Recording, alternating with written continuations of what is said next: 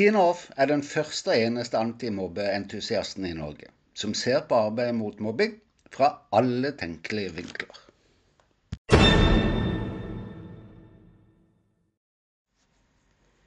Hvis du en dag må si ifra til skolen om at ditt barn opplever mobbing, hvilket svar forventer du å få tilbake? Hva er et vanlig svar fra skolen, og hvordan opplever mange foreldre disse svarene? Det er det jeg tenkte vi kunne snakke litt om i dag. Men først, la meg ta opp tråden fra forrige uke, der jeg, som du kanskje husker, reiste behovet for at foreldre kjenner til smarte grep å ta når deres barn opplever mobbing. Både fordi det rammer mange barn og unge hvert år, men ikke minst også fordi det rammer flere hundre tusen foreldre. Hvilke barn er jo mer eller mindre tilfeldig, altså om det er dine barn eller mine barn. Hva om vi derfor ruster oss med et mobbingens førstehjelpsskrin for foreldre, der det første verktøyet er tre smarte grep du kan ta når du oppdager mobbing hos ditt barn?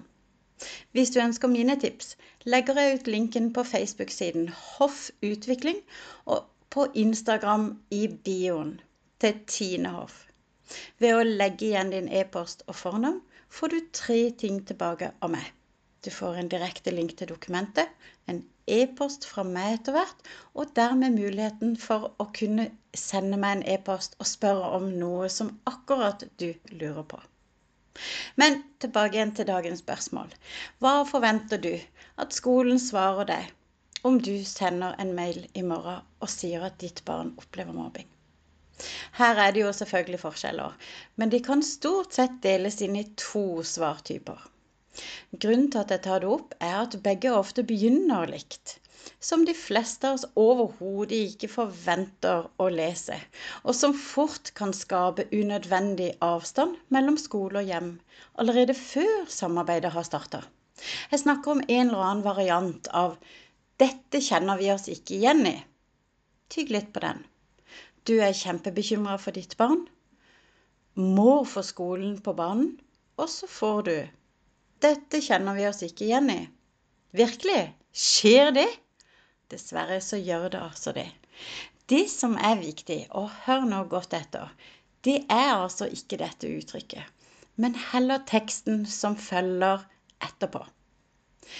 Et av svarene er oppleves som et rent forsvarsskriv der skolen er mest opptatt av å fortelle deg hvor flinke de er, og fokusert de er på skolemiljø, og mye skolen satser på kurs og miljøtiltak. Det er ofte en ren avvisning av anklagen om at mobbing finner sted på denne skolen. Innrømmelse at skolen har feil eller mangler, og foreldre kan måtte forberede seg på en bratt oppoverbakke. Om du heller får inntrykk av at skolen virker å ha dårlig tid, at de vil ta tak og sette i gang undersøkelser med en gang, og så komme tilbake til det så snart dette er gjort, altså at ditt barns beste er viktigere enn skolens forsvar, er det langt større grunn til å bli optimistisk.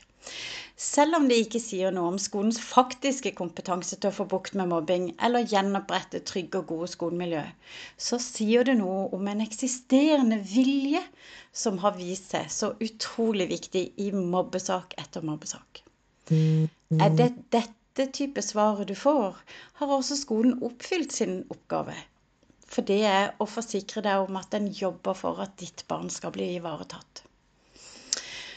Poenget da med å peke på noe så enkelt som en e-post mellom skole og hjem om et så viktig tema, det er hvem fanger opp hvordan en rektor formulerer seg i en e-post, og hvordan det vil oppfattes i den ekstraordinære situasjonen som foreldre står i.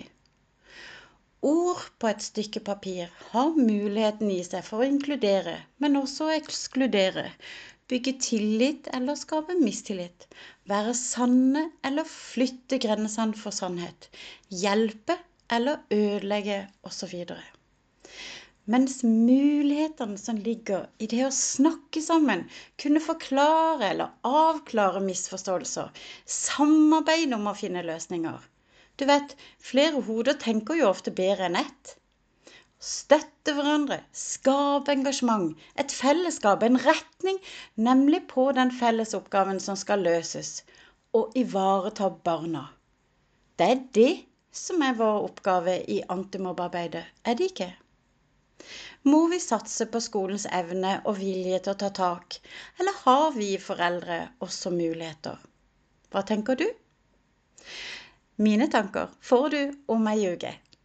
Kan du ha det fint så lenge? you